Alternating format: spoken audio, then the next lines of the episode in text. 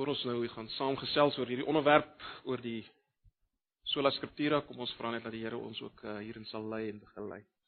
Ja Here, ons kom nou maar weer in groot afhanklikheid van U. Ons het nodig dat U ook en dit wat ons nou gaan doen, ons sal help om om U raak te sien in die groot plan en waar ons inpas daarin. Dit alles vir U eer, U verheerliking en vir die redding van mense. Asseblief, Here. Help ons ook nou en dit waarmee ons gaan besig wees. Ons vra dit in Jesus se naam. Amen.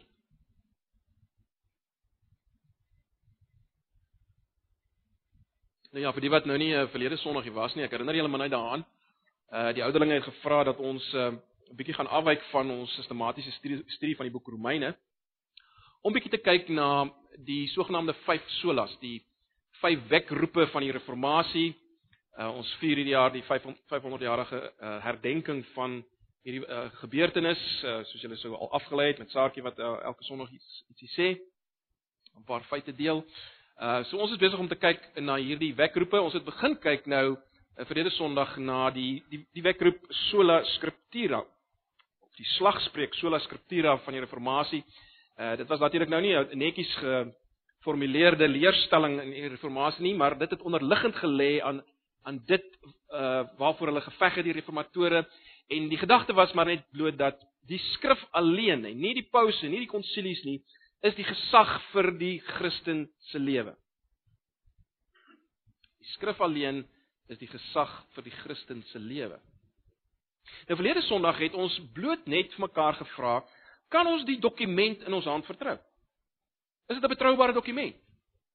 Want ons wil nie maar net volkspryspolitiek toepas en sê ja, ag wat, ons het nou maar so groot geword, uh, ons ouers het vir ons gesê dit is die woord van God en die sonnaarskool sê so en ons aanvaar dit is uh, eh, die geskrif is uh is betroubaar en gesagvol nie. En en daarom het ons verlede Sondag bietjie die die Bybel as dokument uh onder uh die strengste toetse moontlik geplaas, gekyk hoe die Bybel as dokument vaar en ten minste vertrou ek dat julle kon raak sien dat uh dis nie onlogies, dis nie 'n onredelike ding om die Bybel te aanvaar as betroubare geskrif. Die waarheid te sê in vergelyking met al die ander antieke geskrifte, uh staan die Bybel kop en skouers uit as die mees betroubaarste. Uh as jy nou nie verlede Sondag hier was nie, kry maar die uh, CD in in luister weer daarna. Volgens is die vraag egter, wat is die aard van hierdie geskrif in ons hand? Wat is die aard van hierdie geskrif? En hoe is dit gesagvol? Watter manier is dit gesagvol in ons lewens? Ek wil 'n bietjie daaroor uh praat. Ja baie van dit wat ek volgens gaan sê is maar dinge wat ek al by die Bybelskool ook gedeel het, die van julle wat uh al die Bybelskool bygewoon het. Maar ek dink tog dis belangrik. In die eerste plek wil ek eers met die vraag vra, wat is die Bybel nie? Of ek wil 'n paar stellings maak oor wat die Bybel nie is nie. En baie belangrik, die Bybel is nie 'n wetboek of 'n reëlboek waar jy 'n sekere reël of wet kan naslaan uh en dan as jy dit nakom gaan jy 'n beter lewe hê.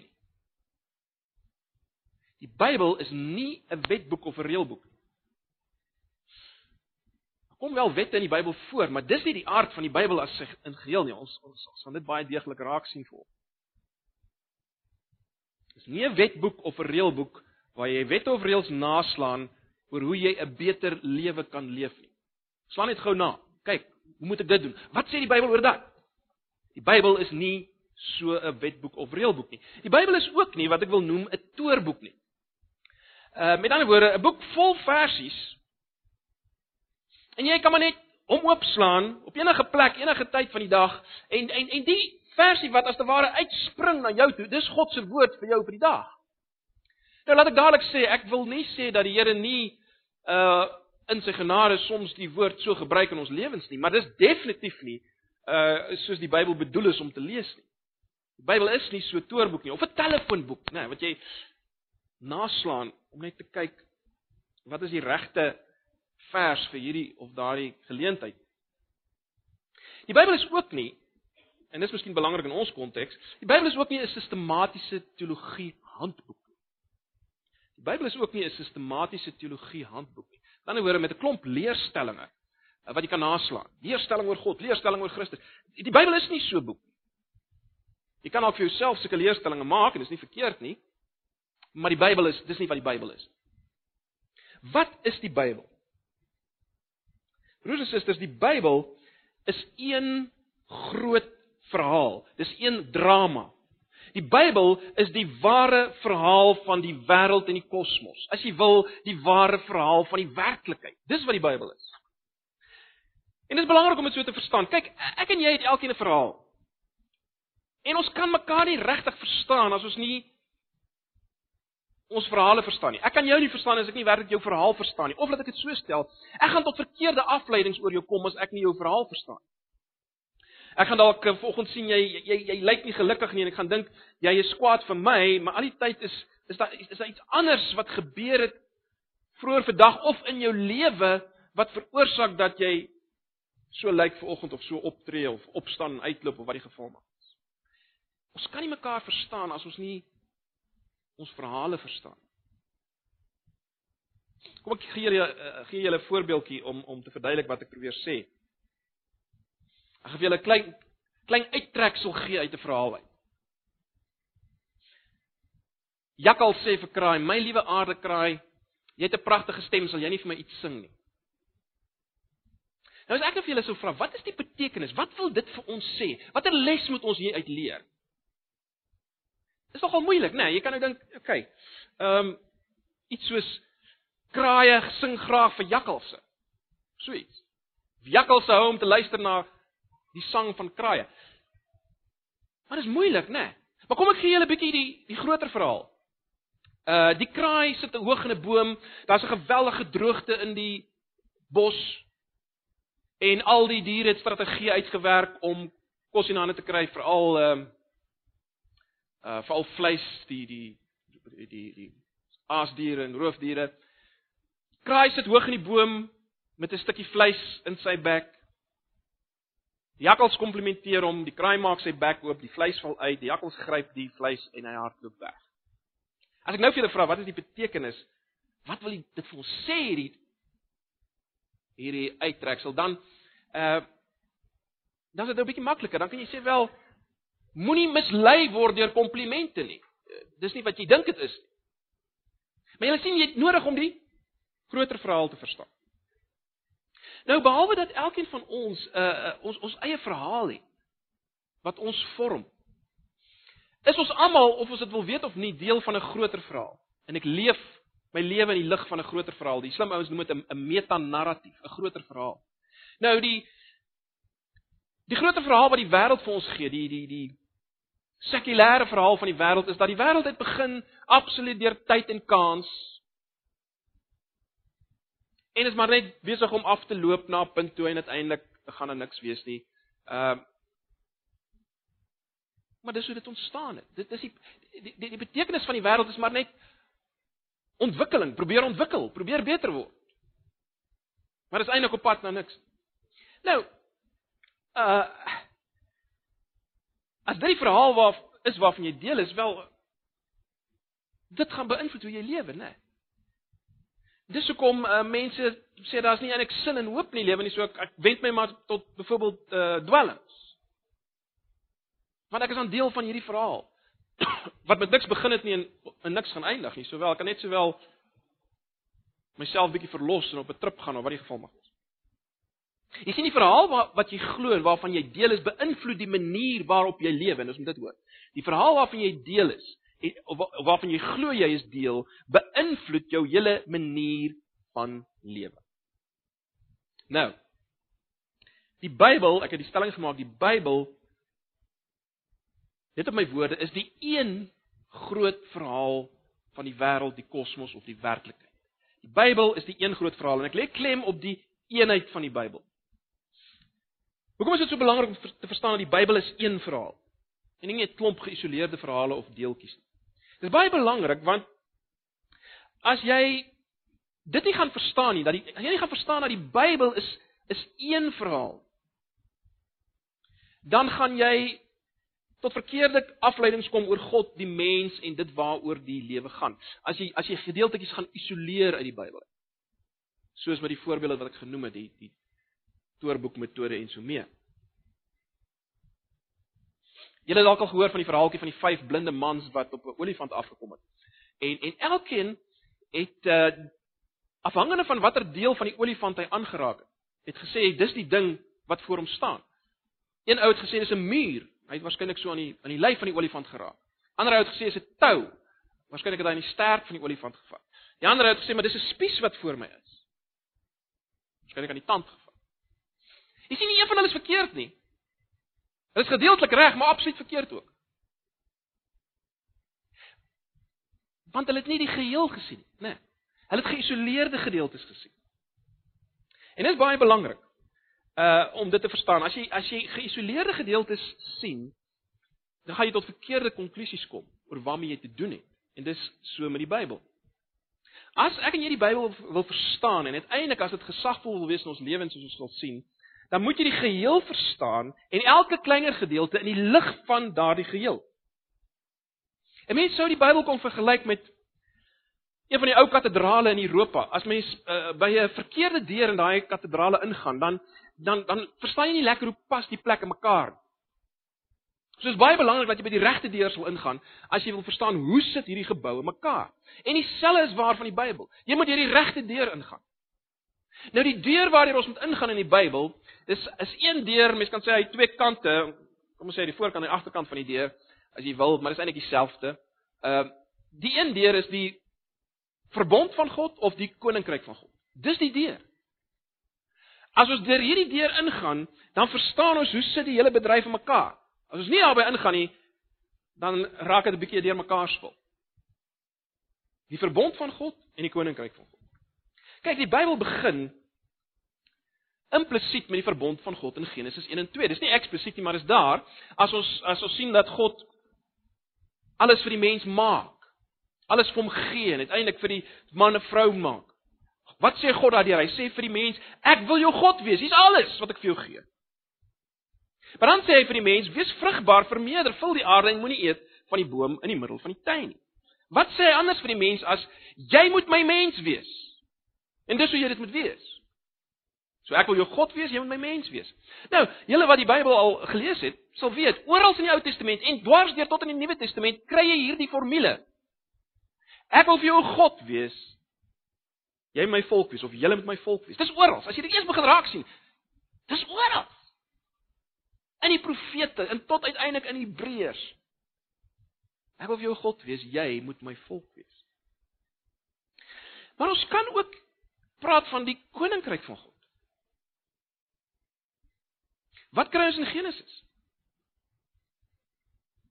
Ons sien hoe lyk die koninkryk van God. Dit is waar God se mense op die plek is waar God hulle wil hê, as jy wil die land waar God hulle wil hê, te loops die die woord aarde en land in die Bybel is dieselfde woord, maar goed. God se mense is daar waar God hulle wil hê. Onder God se woord op God se plek en in verhouding met mekaar, 'n verhouding met hom en met die geskape wêreld. Dis die koninkryk van God. Dis dis hoe dit lyk as God in beheer is. Dis wat ons kry.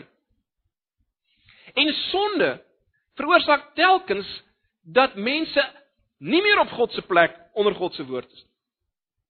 Uit hierdie koninkryk. So die Bybel begin met die verbond of die koninkryk en die Bybel eindig daarmee broers en susters. Kyk maar net byvoorbeeld vandag na uh, Openbaring 21 vers 3. Openbaring 21 vers 3 heel aan die einde.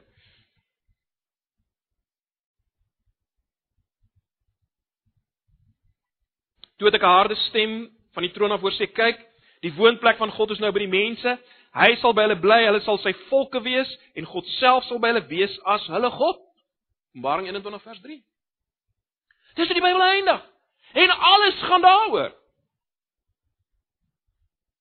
So die Bybel begin en eindig met die koninkryk van God of die verbond van God. Maar nou sê jy vra maar Jakobus, waar pas Jesus Christus in? Wel die hele Bybel gaan oor hom. Hoekom gaan die Bybel oor hom? Die Bybel gaan nie oor hom net omdat daar sogenaamde messiaanse gedeeltetjies is. Gedeeltetjies wat ons kan sê, "Ooh, as ons hier met 'n hoofletter vertaal, dit lyk dit gaan oor Jesus uit." Dis meer as dit. Daar is sulke gedeeltetjies, maar dit gaan oor meer as dit. Jy sien, alles in die Ou Testament se verbondsverhoudinge of verbondsverhouding, ekskuus, was afbeeldinge van hom. Alles in hierdie verbondsverhouding, ek wil vir jou God wees, jy moet my volk wees of jy moet my volk wees. Dit alles daarvan is afbeeldinge van Jesus. Die een wat uiteindelik God vir ons is. Soos ons dit sien in wat hy kom sê in die Nuwe Testament. En wat hy kom doen op Golgotha. Hy is die uiteindelike God vir ons. Ag ons kan baie daaroor praat, ons is nou nie tyd. Maar aan die ander kant hy kom ook die jy moet my volk wees kant in ons plek na, né?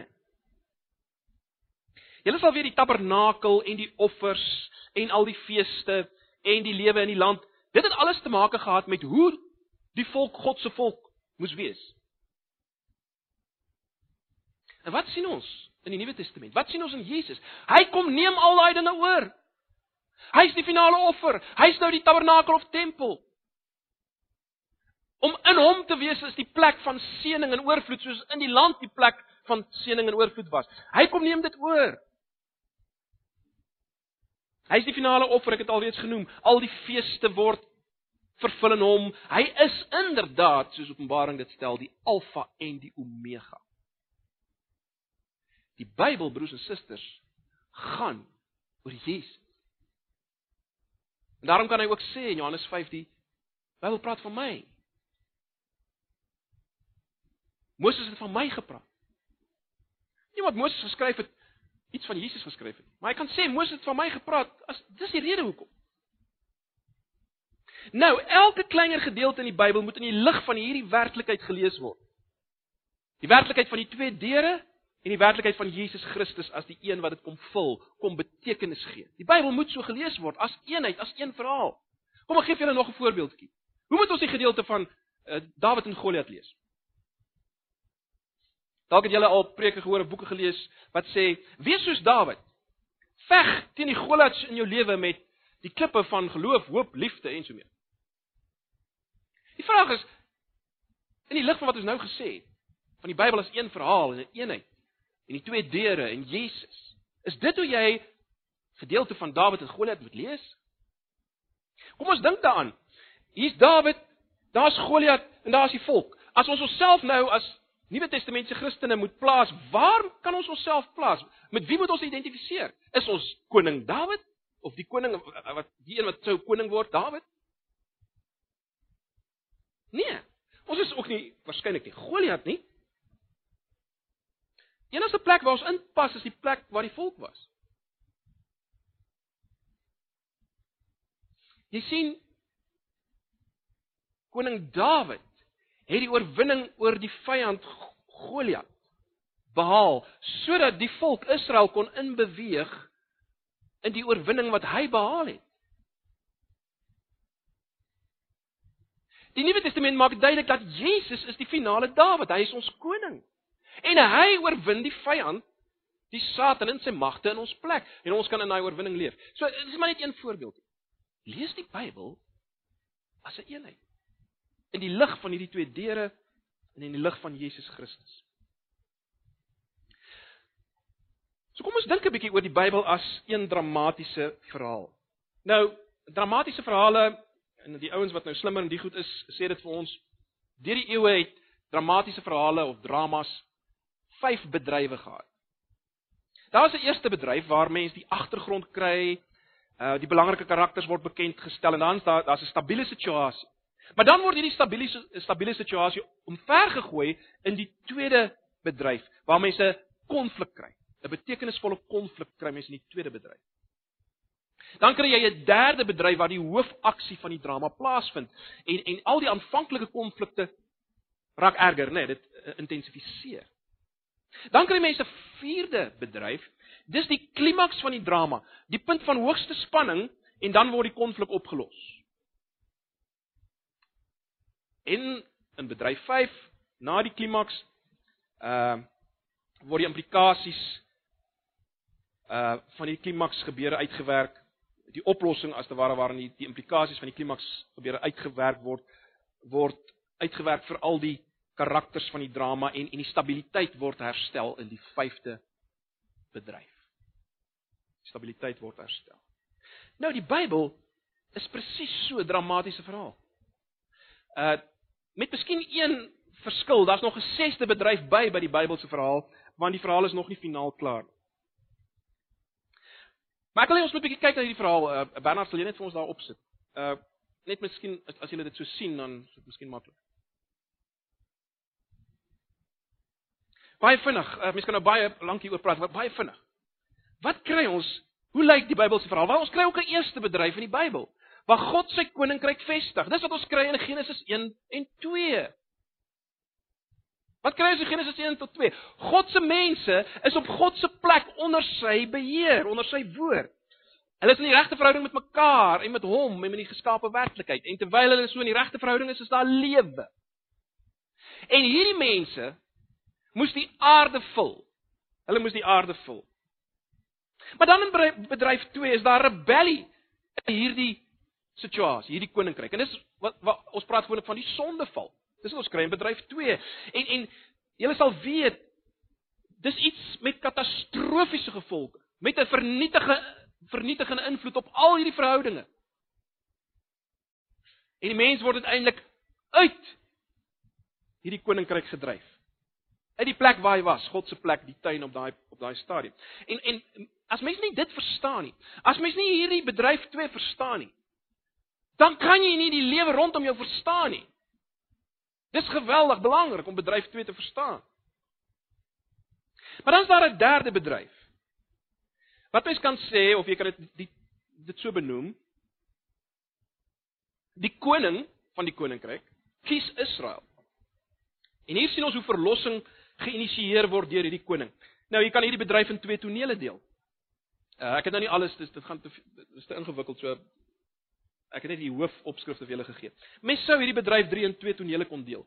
'n Gedeelte voor Israel en dan die gedeelte waar die volk gevorm word. Voor Israel sien ons in Genesis 3 tot 11 dat God bedoel om te verlos ten spyte van sonde. Ons sien dit in alles wat hy doen. Die belofte aan Adam en Eva.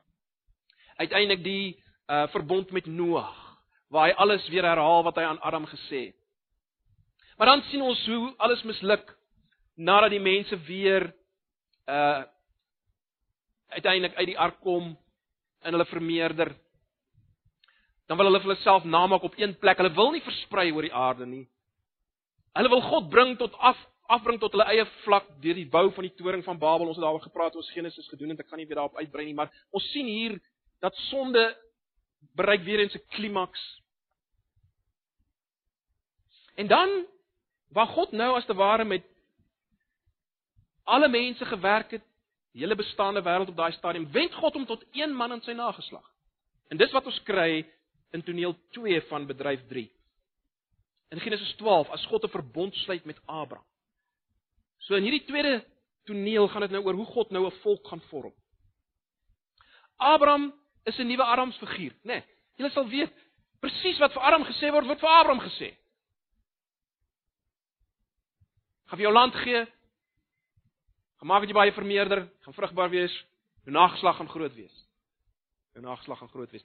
En hierdie en en, en jy gaan 'n seën wees vir die nasies, let wel. Hierdie hele klem hoe groot nageslag speel 'n groot rol in die hele eerste in die in die in die, in die eerste gedeeltes van van die Ou Testament, né? Nee. Nou goed, dis wat ons kry daarin Genesis 12 en verder. As ons kom by Eksodus 20, dan sien ons hoe God nou hierdie nageslag van Abraham vorm tot 'n volk wat in 'n verhouding met hom staan, 'n verbondsverhouding en hoe God wil hê elke area van hulle lewe moet onder sy woord kom. Elke area van hulle lewe. Alles word aangespreek in daai ou verbond. As jy kyk na daai al daai uh, wette en stipulasies. Dis wat ons kry in Exodus uh, in Exodus. God, die God van die brandende braambos. Die verteerende vuurgod gaan in hulle midde woon en hulle nie verteer nie. Dis nie geweldig. Soos Moses in in die in die brandende bos sien. Dis Eksodus. As ons kom by Levitikus dan sien ons hoe lyk dit as jy leef saam met so 'n heilige God. En daar sien ons dat dat versoening is belangrik voor 'n heilige lewenswandel. Dis wat jy kry in Levitikus. Terloops die hele tabernakel en alles wat daar gebeur, ons het dit vir mekaar gesê toe ons daarna gekyk het destyds in in in Eksodus. Dit alles herinner aan Eden. Jy kry dieselfde goed afgebeeld in die tabernakel as wat jy in Eden kry. En die hele manier hoe die tabernakel opgerig is, die tyd wat dit gevat het ensovoorts, herinner aan Eden. As mens kyk na die volk so rondom die heiligdom, rondom die tabernakel wat hulle laar opslaan, dan sien jy as te ware wat wil God vir die hele skepping? In mikrovorm sien jy dit in die volk. Dis waarna toe God wil terugbeweeg. Maar dan kom mense in die in Numeri en Deuteronomium en jy sien die volk misluk in die woestyn. Hulle misluk. Daar daar's iets wat fout is. Uiteindelik as mens kom by toneel 3 van bedryf 3, dis die langste en die grootste bedryf terloops. Dan sien jy dat Israel kom in die land. God gee vir Israel weer 'n plek. Onthou, Genesis 1. God gee weer vir hulle 'n plek. En as mens kom by die boek Rigters, dan sien mens elkeen doen wat reg is in sy eie oë. Daar's rebellie in die land. Uiteindelik is daar 'n bietjie hoop in die boek Samuel as Israel tot 'n koninkryk vorm weer 'n koninkryk word met 'n koning. Uh nou is die volk weer op God se plek in die land. Daar word 'n koning oor hulle aangestel wat veronderstel was om koning te wees onder God. En vir 'n oomblik lyk dit hier word die koninkryk van God herstel. Wonderlik onder Dawid en Salomo. Dit lyk pragtig. Maar dan misluk dit alles. Ons weet van Dawid se sonde, Salomo se sonde. Jy sien, ons sien sonde is 'n geweldige probleem. Daar's wel beloftes in 2 Samuel 7 dat iets beter gaan kom, 'n finale koning wat op die troon gaan sit van Dawid. En hy gaan die, hy gaan die hy gaan die tempel herbou want Dawid mag nie, daar's te veel bloed aan sy hande. In die boek Konings kry ons die verbondsrebellie van Israel en baie interessant. Net soos in Genesis, as gevolg van die verbonds verbondsrebellie word hulle uitgedryf uit hulle plek uit uit die land uit in ballingskap. Net soos aan die begin uit Eden uit. Nou is die volk in ballingskap. Want hulle het God se woord verwerp en daarom is hulle nie meer op God se plek nie. In die boek Esdra en Nehemia lees ons van die terugkeer van 'n deel van die volk, maar dit is teleurstellend want die tempel wat herbou word is glad nie wat hulle verwag het nie, van die ouer mense huil selfs. Maar dan is daar 'n profetiese boodskap van oordeel, maar ook van hoop. En dis wat ons kry in in Jesaja en in Jesegiel en in Jeremia. Mens dink aan Jesaja 53 en Jesegiel 36 en 37 en Jeremia 31, 'n belofte van 'n nuwe verbond, 'n nuwe Dawid. Terloops, al hierdie beloftes word gegee in ou verbondstaal oor die nuwe verbondsbedeling. Daar word gepraat van die tempel wat herbou word. Daar word gepraat van Dawid wat op sy troon sal sit. Ons weet die Bybel leer nie reïnkarnasie nie. Ons weet wie is die Dawid.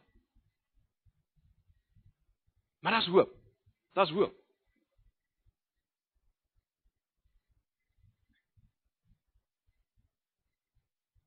Dan is daar 'n mens kan amper sê 'n tussenspel in hierdie groot drama, die koninkryk wat wag op 'n einde. En dis die tydperk tussen die testamente. En ek gaan nie nou vanoggend daaroor iets sê nie, dis 'n hele onderwerp se eie, maar vir 'n tydperk van 400 jaar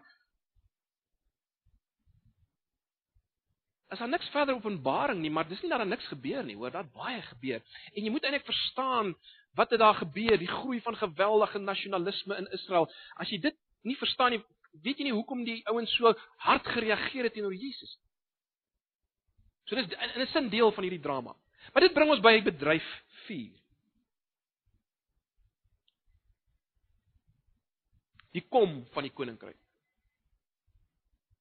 Verlossing word nou behaal.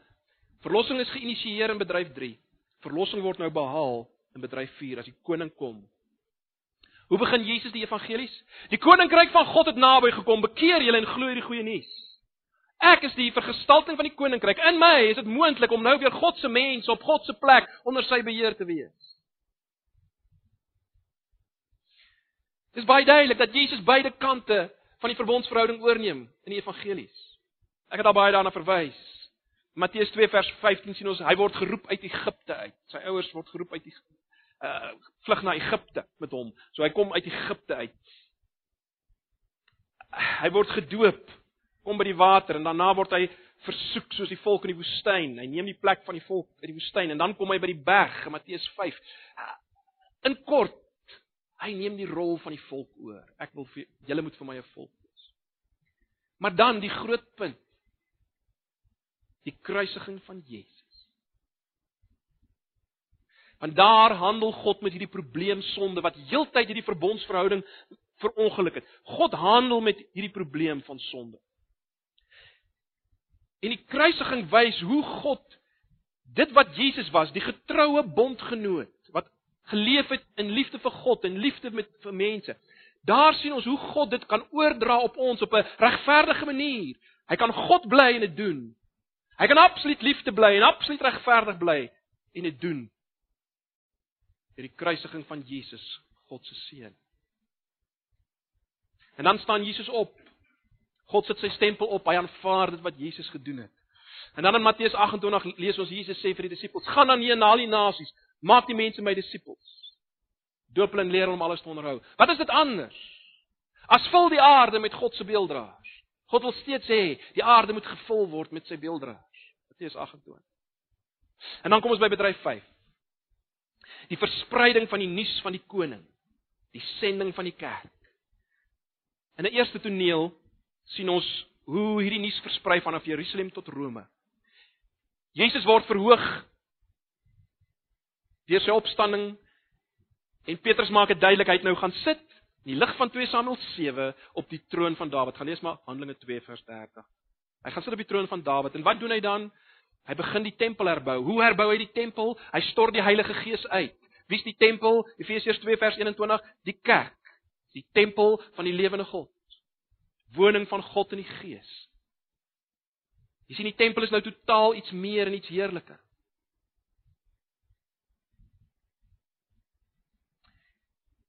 En Pinksterdag wys dat die verterende vuur God van die brandende braambos kan nou woon in die midde van sy mense, want sy verterende vuur oordeel teen sonde is uitgestort op Jesus. So nou kan hy in hulle midde woon. Handelinge 1 vers 8 sê Julle sal krag ontvang wanneer die Heilige Gees oor julle kom. Julle sal my getuienis wees van hier tot aan die uiteindes van die aarde. Die agtergrond is natuurlik die hele boodskap van Jesaja in die Ou Testament dat Israel moes God se getuie wees, maar hulle was 'n blinde en dowe getuie. Maar as belofte is dat die Gees gaan herstel bring. En Jesus is in die eerste plek daardie ware getuie. Lees maar Jesaja se latere hoofstukke. En nou is sy mense dit. Hulle sal nou wees dit wat Israel moes wees en nie kon wees nie vir die wêreld, getuie vir God teenoor die afgode van die wêreld. Verhaal van Handelinge begin met die eerste verhaal toe hoeveel is dit ek geskryf oor wat Jesus begin doen en leer het. Die implikasie is wat ons nou in Handelinge kry is dit wat Jesus voortgaan om te doen en te leer deur sy deur sy liggaam, sy mense. En dan kom ons by by Paulus en sy sendingreise en sy briewe. Ons het nou Romeine, ons is besig, ons is amper klaar met Romeine. Broers en susters, ons moet verstaan, Romeine pas hierby in. Romeine is deel, deel van bedryf 5, die verspreiding van die nuus van die koning, die sending van die kerk. Romeine pas daarbey in, is deel van hierdie vyfde bedryf. Paulus wys ons het alreeds in Christus alles Maar as ook nog genoeg nie deel, ons moet nog veg teen sonde en dit doodmaak. Paulus wys dat ons kom in die regte verhouding met God deur die geloof soos Abraham, nie deur wetsonderhouding nie. Ek gaan nie nou daarop uitbrei nie. Maar Paulus wys ook ons ons heiligmaking het 'n nuwe verwysingspunt. Nie meer die Exodus nie, maar die verlossing aan die kruis. Ons moet mekaar lief hê soos Christus ons liefgehad het. Ons is nou 'n tempel van die Gees. Dis hoekom ons sekere dinge nie moet doen nie. Dis hoekom ons nie moet oreer nie. Ons heiligheid kan nou baie dieper en verder gaan. Ons leef onder die wet van Christus.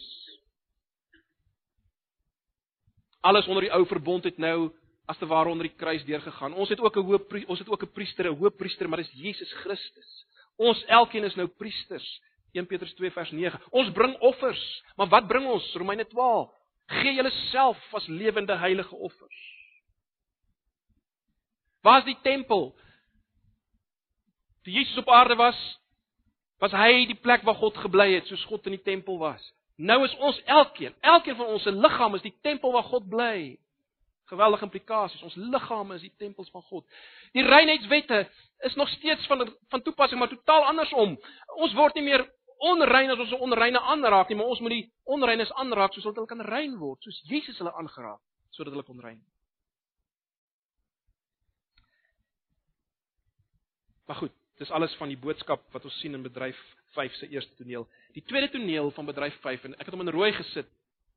Want dis waar ons dis waar ons is. Dis ons self bevind. versprei die nuus van die koninkryk na die hele wêreld. Dis waar ons inpas, broers en susters, in die hele verhaal. Die sesde bedryf is natuurlik die terugkeer van die koning. Maar die vraag is nou, hoe is so 'n verhaal, hierdie drama wat ons nou gesien het in kort, hierdie eenheid, hoe is dit gesagvol in ons lewens? Wel, eerstens moet ons onthou dat die Bybel as verhaal as boek is nie die bron van alle gesag nie. God is die bron van alle gesag. Jesus is die bron van alle gesag.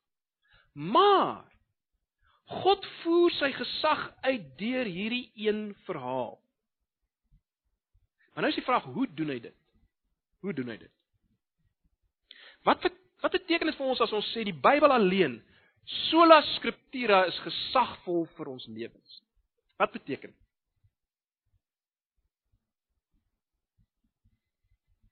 Probeer 'n bietjie so daaraan dink. Ek gaan vir julle probeer 'n beeld skep.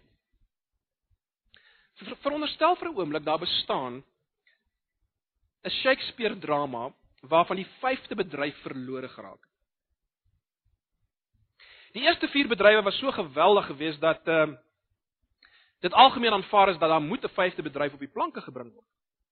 Maar dit voel onvanpas om 'n vyfde bedryf bloot te skryf wat wat vir eens en altyd geld en en wat die drama in een vorm giet. En en natuurlik sal dit maak dat Shakespeare nou eintlik verantwoordelik is vir iets wat hy wat nie sy eie is nie as jy nou net 'n vyfde bedryf gaan skryf. En daarom word daar gevoel dis beter om die sleutelgedeeltes vir hoogs geoefende, uitstekende, sensitiewe Shakespeare akteurs wat hulle ingegrawe het in die eerste vier bedrywe te gee om vir hulself uit te werk. Met ander woorde, hulle moet 'n vyfde bedryf vir hulle self uitwerk nadat hulle hulle ingegrawe het in die eerste vier bedrywe.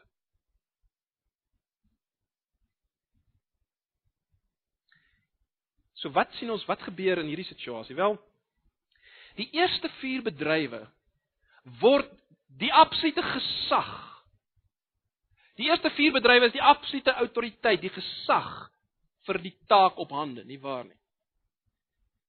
Ek weet enige een sou tereg beswaar kon maak dat dat hierdie hierdie nuwe improvisering wat julle nou doen uh, op grond van die uh, dit pas nie heeltemal in nie. Dit, dit is 'n stryd met die met die met die eerste vier bedrywe wat wat hierdie ding betref en daai ding betref. Jy sien enige ou sou dit kan doen.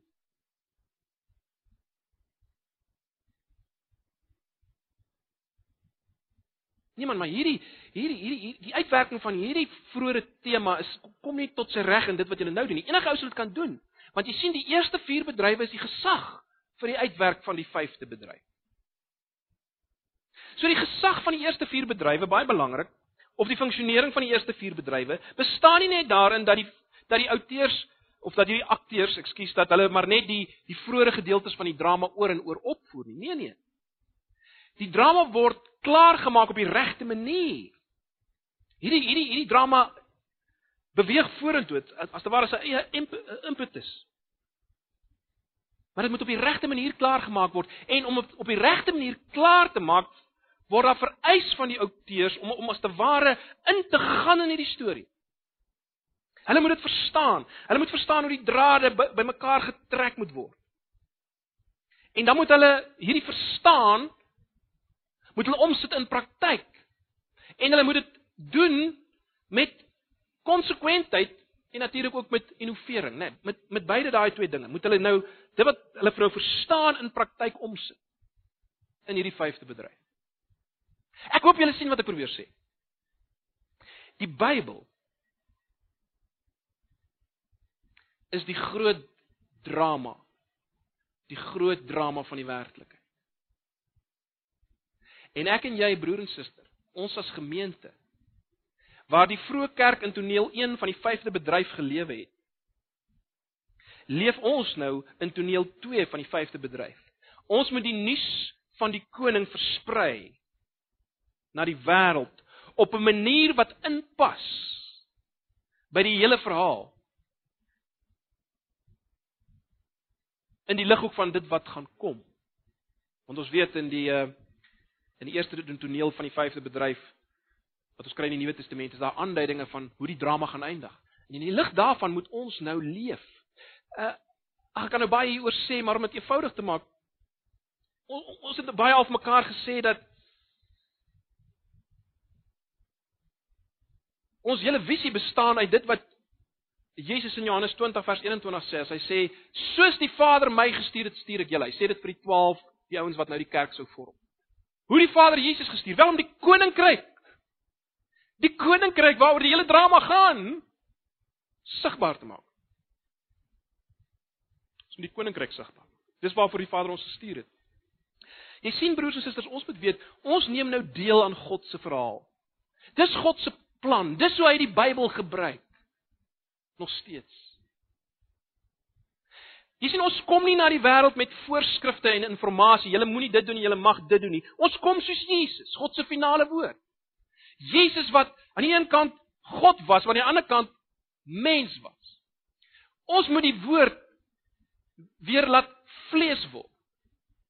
As mense moet ons dit uitleef, die koninkryk boodskap. Hoe moet ons dit doen? Hoe kan ons dit doen? Wel, ons moet deurweek word met die eerste 5 bedrywe tot toneel 1 van die van die eerste 5 bedrywe. Ons moet deurweek word daarmee. Ons moet hiermee besig wees tot die koning weer kom.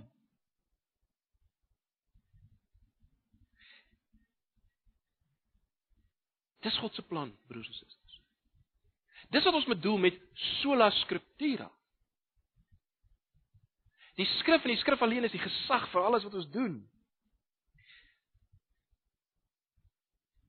Jy sien die eerste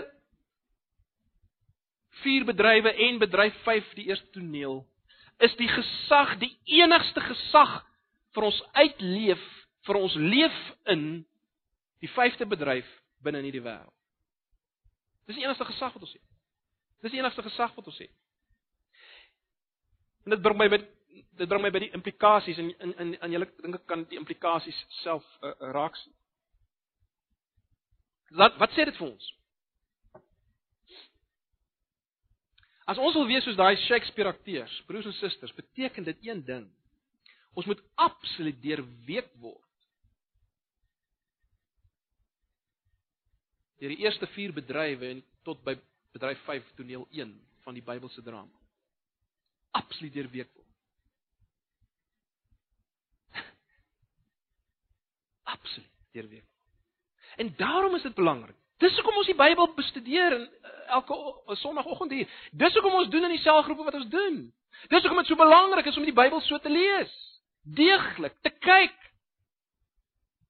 Want jy moet begin leef in hierdie verhaal. Dis jou en my verhaal. Ons is deel daarvan. Die verhaal het begin het in Genesis 1 en 2. Ons is deel van daai verhaal.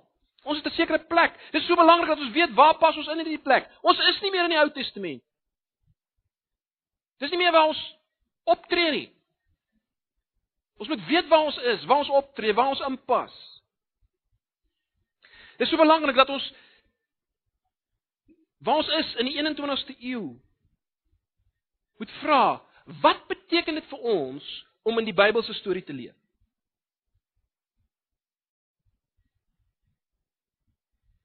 As ons wil leef volgens sola scriptura, Wat beteken dit vir ons in die 21ste eeu? En dis die vraag waarmee ons moet besig wees en ons kan nou nie volgende daarop ingaan nie, maar ons moet vir onsself afvra, wat beteken dit om vandag in die Bybelse storie te leef as ouers? As kinders? As kinders by die skool? As universiteitsstudente? As inwoners van Pretoria? As mense in 'n wêreld en in 'n land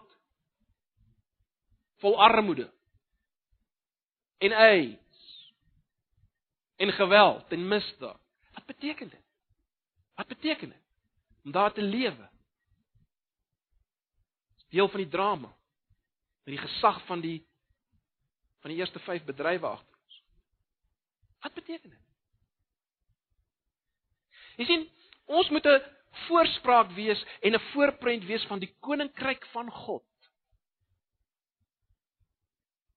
Ons moet getuies wees van Christus se heerskappy oor die hele lewe. En daarom kan daar nie meer by ons 'n dualisme wees tussen sekulêr en geestelik nie. Alles wat ons doen is deel van ons diens aan die koninkryk. My preek op Sondagoggend hier en jou tennisspel op 'n Saterdag is niks verskillend wat betref die dien van God in die koninkryk van God. Die een is die sekulêr en die ander is geestelik. Dis wat ons is. Dis waar ons is, dis waar ons leef in die vyfde bedryf. En uiteindelik uiteindelik moet ons hierdie boodskap laat hoor tot aan die eindes van die aarde. Tot aan die eindes van die aarde. En daarom is dit belangrik broers en susters dat ons dis hoekom ons sonnaandoggende uh, bid vir 'n land van die wêreld. Ons is verantwoordelik vir die wêreld. Dis waar ons inpas in die verhaal om uiteindelik die boodskap te bring na die hele wêreld op 'n of ander manier. As mense wat leef in die drama van die Bybel. Ag broers en susters, uh dalk is dit wat ek vir julle gesê het, bietjie net en bietjie snaaks. Maar ek ek ek, ek hoop dit help ons om opgewonde te raak en en anders te dink oor die Bybel en die omgang met die Bybel en en en, en die leef as Christene. Anders, nie En ek vertrou dat wat ek gesê het in lyn is met wat God wil. God se doel en God se plan. Kom ons bid saam.